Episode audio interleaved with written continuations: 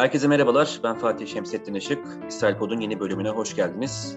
Bildiğiniz üzere bu hafta İsrail'de çok önemli gelişmeler yaşandı ve Naftali Bennett'in önderliğinde yeni bir hükümet kurma yolunda hızla mesafe kat edildi. Ra'am Partisi lideri Mansur Abbas ve Yeşatet Partisi lideri Yair Lapid'le birlikte bir anlaşmaya imza attılar.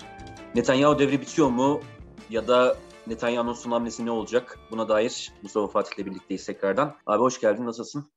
Hoş bulduk Fatih, iyiyim. Sağ ol. Sen nasılsın? Teşekkür ederim. Yani Netanyahu devrinin bittiğini söylemek için bence hala erken. Çünkü Netanyahu'nun yıllardır muhalefet liderliği de yaptığını da hatırlamak lazım aslında. 2009'a kadar muhalefet liderliği de yaptı Likud'da. Sen nasıl görüyorsun? Yani Netanyahu'nun devrinin bittiğini söyleyebilir miyiz ya da bitmediyse ne olacak?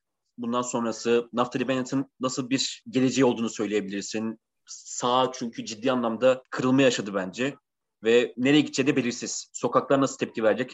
Sen ne düşünüyorsun? Neler duydun? Onu dinleyelim senden bence. Ama bence hani Netanyahu'nun devri bitecek ifadesi hani sanki daha fazla sıklama almak için atılmış bir başlık gibi geliyor bana. Netanyahu'nun devri bitti demek için en azından bu yemin törenini beklemek lazım her şeyden evvel. Ee, ve bunun yanında tabii ki güven oylamasını beklemek lazım. Artı Netanyahu'suz bir hükümet kurulsa da Netanyahu başbakanlık görevinden gitse de Netanyahu'nun devri hala bitmiş olmuyor.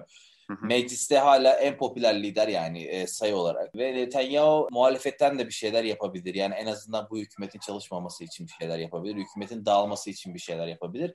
O sebeple Netanyahu hala siyaset sahnesinde olan güçlü ve popüler bir lider olarak devam edecek. En azından hükümet kurulursa. Hala hükümeti kurulup kuramayacağını bilemiyoruz. Sadece bir koalisyon anlaşması olduğunu biliyoruz. Tarihi bir koalisyon anlaşmasıydı. İsrailler evet. için ne, ne anlam ifade ediyor, bu ne demek vesaire çok kapsamlı tartışmalar. Ama benim gördüğüm kadarıyla bu işi bağlayan tabii ki de hani sağın ve solun bir araya gelmesi Ram Partisi'nin onun içerisine dahil olmasıydı. Ram Partisi'nin de içerisine dahil olması ve belki de İsrail'in en geniş koalisyonunu görmemizin temel sebebi İsrail'de artık toplumların normalleşiyor olması değil bence. Ee, Ram Partisi'nin daha pragmatik yaklaşması her şeyden evvel. İkincisi Naftali Bennett'in başbakanlık isteği tabii ki bu şeylerden biri. Gerçekten başbakan olmak istiyordu Naftali Bennett. Kişisel bir şeyi de var, hedefi de var. Şu anda İsrail'in e, eğer olursa en genç ikinci başbakan olacak. En genç başbakan Benjamin Netanyahu. Evet o 47 Bu yaşında var, olmuştu ve 49 yaşında olacak. Sen de hatta röportaj yapmıştın. Dinleyicileriniz yani takip evet, etmiştir. Orada, orada da. belirtiyordu başbakan olmak isteğini. Evet belirtiyor ve şunu söylüyor. Ben yeni jenerasyonun ve Netanyahu'nun artık devrini yani en azından şu, solcular gibi kullanmıyordu bu ifadeyi.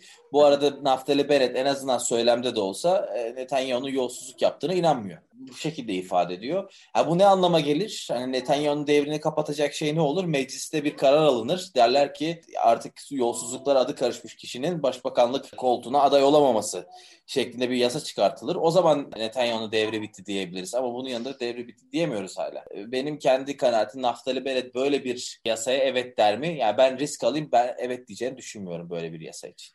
Evet yani Liberman mesela bu konuda onu sıkıştırabilir. Liberman'ın böyle bir niyeti vardı. Koalisyon tartışmalarından önce aslında böyle bir şeye girişmişti. Ama Bennett'in böyle bir risk alacağını ben de düşünmüyorum. Fakat şunu söylemek lazım. Seninle yaptığı röportajda da hani ısrarla o kelimeyi kullanıyordu. Yani Netanyahu'yu devirmek değil, Netanyahu'nun yerine geçmek. Hani Netanyahu'yu böyle hani güzelce pamuklara sarıp onu böyle artık tatile çıkarmak. Yani, gibi yeni yani. jenerasyon söylemini yeni jenerasyon üzerinden kuruyor. Evet. Ee, ve hani şöyle bir şey Netanyahu'yu devirmek ifadesi biraz solculara ait bir ifade. Solcularla Hı-hı. aynı yerde bulunmak istemiyordu söylem olarak. Ee, şu anda günah çıkartıyor fark ettiysen Naftali Bennett uzun evet, zaman. Evet konuşmasında da hani ısrarla belirtmişti. Sağ hükümet kurmak imkansız. O yüzden ben bu görevi hani birlik hükümeti kurarak bu işi bitirmeye çalışacağım dedi. Ve aslında yine de kendinden taviz vermiş gibi geliyor. Yani solda hükümet kurmayacağım demişti. Netanyahu'yla hani bir pragmatik bir yaklaşıma girmişti ama başarısız olduğunu görünce bu sefer Netanyahu'ya ülkeyi masadaya çevirdi diye bir tabir kullandı. Mesela bu çok ileri giden bir ifadeydi bana kalırsa. Yani solcular bile bu kadar bilmiyorum. Sert bir ifade kullanmış mıdır? Hani sembolik anlamda bir ifade kullandı. Ve üstüne hani Araplarla koalisyon kurdu. Netanyahu'nun da burada şöyle bir şeyi var. Yani kendi kurduğu oyunda yani kendisinin icra etmeye çalıştığı cambazlıkta aslında kendi yenildi gibi yani oyununda kendisi zarar gördü. Ve Ram'ın mesela gidip Naftali Bennett'la koalisyon yapmaya yanaşması Netanyahu'nun bence hiç hesap etmediği bir şeydi. Ve enteresan bir durum söz konusu oldu. Ben dediğim gibi Naftali Bennett'in dahil olmasındaki en önemli sebebi kesinlikle başbakan olma isteği olduğunu düşünüyorum. Ve en önemli sebeplerden biri bütün partiler için. Beşinci seçime gitse, giderlerse böyle bir kompozisyon oluşacak mıydı? Yani e, Naftali Bennett yedi e, ya da işte Ram Partisi aldığı oyları alabilecek miydi? Bence bundan da şüphelilerdi. Yani bir daha bir seçime giderse böyle bir kompozisyon olur mu? Bunu bilemediler. Bence e, elindeki fırsat bu fırsat dediler ve bunu yapmak istediler. Hepsi tek tek risk aldılar. Burada tabii bence konuşulması gereken isim Yair Lapid. Yani Yair Lapid burada bir şey başardı. Yani perde arkasından bu arada koalisyonun en popüler ismi de Yair Lapid olacak şey anlamında, e, sayı anlamında. Evet. Belki de Naftali Bennett İsrail tarihinin görmüş olduğu en güçsüz başbakan olabilir meclisteki sayısı anlamında. Kendisi hariç 6 e, sandalyesi olacak ve 6 sandalye. Bunun örnekleri var dünyada. Yani sadece İsrail'e ait bir şey değil. Örnekleri var. E, bu olmayacak bir şey de değil. Ama tabii İsrail için ne anlama gelir? Buna bakmak lazım. Peki yani diyelim ki hükümeti kurdular Fatih. E, yani muhtemelen eğer hükümet kurulursa haftaya podcast yayını yaptığımız zaman İsrail'de bir hükümet olacak tahminen aşağı yukarı. Perşembe günü olması bekleniyor 14'ü. Tabii onun öncesinde çok önemli bir olay var. Netanyahu'nun belki lazım. de son hamlesi diyebiliriz. Yani hiç ummayacağım derecede aslında. Netanyahu normalde biraz da siyaset yapılan yerlerde yani hani birazcık kulislerin adamıdır. İlk defa Hı-hı. sokağa başvurabilir diye düşünüyorum. Sokağa yani zamanında gerçi İshak Rabin suikasti öncesinde özellikle Oslo sürecinde protesto ederken sokakları yine kullanıyordu Benjamin Netanyahu ve e, Rabin'in suikastinde aslında dolaylı yoldan bir etkisi vardı.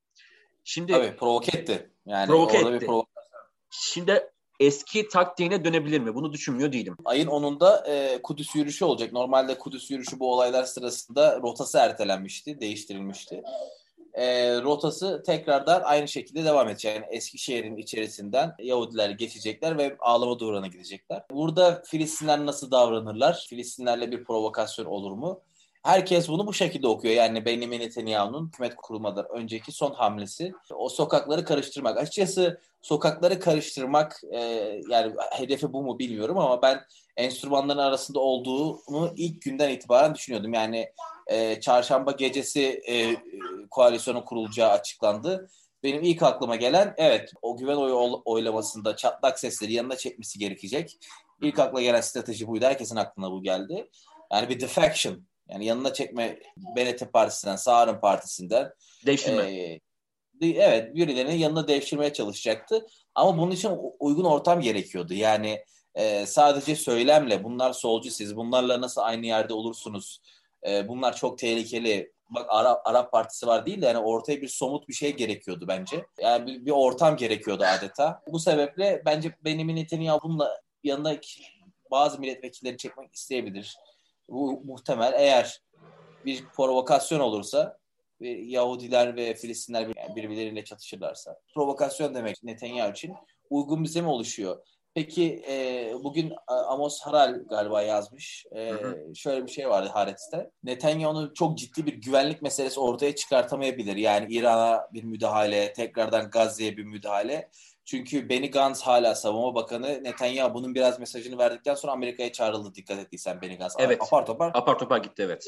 Hatta yani koalisyon görüntüleri içerisinde Benny Gantz'ı göremedik ki bu, bu işi kazananlarından biri de Benny Gantz bana göre yani. Biraz nasipli bir adam anladığım kadarıyla yani. Seçimden de şey çıktı Benny Gantz. Seçimden... Hala Savunma Bakanlığı e, devam ettirecek. Savunma Bakanlığı devam ettirecek. Seçimden karlı çıktı ama bence şeyi düşünüyordur. Yani madem ben Devam Partisi'nin dahil olmak istediği bir hükümeti e, destekledim. Böyle bir sonuç ortaya çıktı. Keşke Joint List'in zamanında vermiş olduğu desteği hemen öyle kolaylıkla reddetmeseydim diye düşünmüyor değildir. Bence yani aklının bir köşesinde bulunuyor. Çünkü öbür türlü dolan başlı bir yoldan gitmek zorunda kaldı Benny Gantz ve ancak öyle karizmayı toparlayabildi. Yoksa toparlamasaydı eğer bu bu hükümet olmasaydı bence bir dahaki seçimde kendisini çok zor görürdük diye düşünüyorum. Abi o joint list desteği ve RAM desteğini karşılaştırdığında ama şunu görüyorsunuz. Ram'ı ilk sözüm ona meşru yapan Benjamin Netanyahu'ydu. Yani Ram'la ilk masaya oturan Benjamin Netanyahu'du. Hatta Ram'ın partisi de bunun farkında. Herkes bunun farkında. O, o da söylüyor. Yani ilk Ram'ı meşru kılan sözüm ona. Yani biliyorsun e, Arap partilerinin bir koalisyonda olması gayrimeşru neredeyse sağcılar için. Evet. Onu ilk meşru kılan kişi Benjamin Netanyahu oldu. Başlattığı şeyi devam ettiremedi. Onun başlattığı şeyi Lapid tamamladı. Yani evet. Ram'ı e, içeri aldı ve bir meşru zemin oluştu onlar için. E, burada çatışma çözümleme okurken hep bir şey söylerlerdi. Yani solcular barıştan bahseder, sağcılar barış yapar. E, evet. E, çünkü e, barışa muhalefet edecek kimse kalmaz sağcılar barış yapınca. Solcular genellikle buna muhalefet etmez gibi bir, bir, şey, bir durum var. Bence burada da yine aynı şekilde böyle bir durum oldu. Yani şimdi Netanyahu ilk başta Raham'la konuşuyordu. O zaman gayrimeşru değildi. Solcular konuşmaya başlayınca gayrimeşru olmaya başladı. E, şimdi bunu herkes farkında artık tren kaçtı, işten geçti. E, bundan sonra ne olacak ona bakmak lazım. Bence çok ilginç bir hafta olacak Fatih. Sıkı takip etmek lazım. Ayın 10'daki durumu çok merak ediyorum. Nasıl bir durum olacak. Yani bu arada Amos Aral'in söylediği şeyden devam ettireyim. Onun güzel bir tespiti var. Ya tabii bu içeriden bir bilgi. Yani e, çok fazla ulaşabildiğimiz bir bilgi değil. Beni Gantz'tan dolayı e, Savunma Bakanlığı'nı ve e, dolayısıyla IDF'i çok fazla kullanamayacağını ama e, Kudüs'teki polisin genellikle Likud yanlısı olduğunu. Bu sebeple Netanyahu'nun biraz daha polis üzerinden yani iç karışıklıkla belki tekrardan Araplara ve Yahudiler arasında bir karışıklıkla bir şeyler sağlamaya çalışmaya çalışabilir. Hatta e, bu Amir Ohan'ın bir ifadesi vardı yani işte Yahudilerin silahlı olarak e, Araplara karşı e, şey yapmasını e, destekliyoruz gibi bir ifadesi vardı. Şimdi bunlar hep tehlikeli ifadeler ki Amir Ohan'ın net, çok sıkı bir Netanyahu destekçisi. Evet. Netanyahu yanlısı bir adam. evet, Likud'un adeta e, polis bakanı diyebileceğimiz bir insan yani.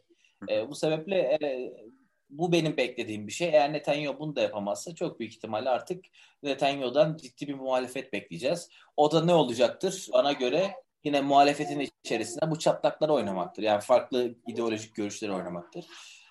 Bence öbür hafta saklayacağımız bazı konular var. Yani e, nasıl bir hükümet bekleyeceğiz? Bu ideolojik farklılıklar törpülenecek mi, törpülenmeyecek mi? Bence e, eğer hükümet yemin edebilirse yeni bir e, Netanyahu'suz bir hükümet görürsek yani Netanyahu'nun devrinin bitmediğini tekrardan hatırlatmak istiyorum ben. Evet. Yani o, ben de sana orada hak veriyorum kesinlikle. Yani Netanyahu'nun devri bitti demek Netanyahu ben Netanyahu'yu biraz şey görmektir abi yani ciddiye almamaktır.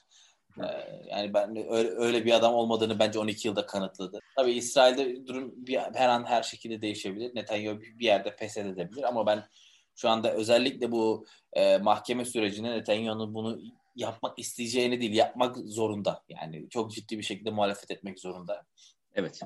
Bakalım yani, zaman ne gösterir. Naftali Bennett'e de ben son olarak değineyim son bir kez. Zaten yakın zamanda haberler de çıkmıştı. Yani Şimbet ve e, Mossad koruması altında olma meselesi. Hatta şöyle bir açıklama yapmıştı Naftali Bennett. Bilmiyorum hatırlıyor musun? Çocuklarına öyle söylemiş. İşte e, şu an İsrail'de en çok nefret edilen kişi benim demiş. Babanız demiş. Böyle bir açıklamada bulunmuş.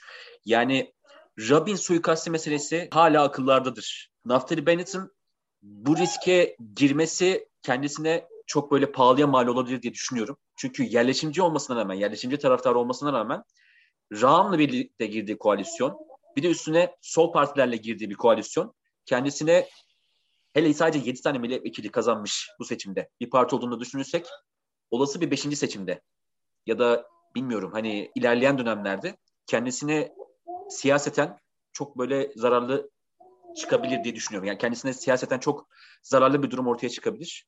Bunu da bence hesaba katmak lazım. Güvenliği meselesi bence burada tartışması gerekiyor. Evet yani böyle çok kulağa çok uçuk gelse de evvelden Rabin suikasti var. Ee, ama ben yine de onu çok uçuk bir ihtimal görüyorum hala. Sadece e, tabii ki de yani şunu da söyleyeyim e, Naftali Bennett'in başbakan olursa Batı Kudüs'teki konut yerine kendi evini kullanacağı hı hı. E, hala kullanmaya devam edeceği söylenmiş. Bu benim için ilginç bir detaydı yani gözüme çarpan.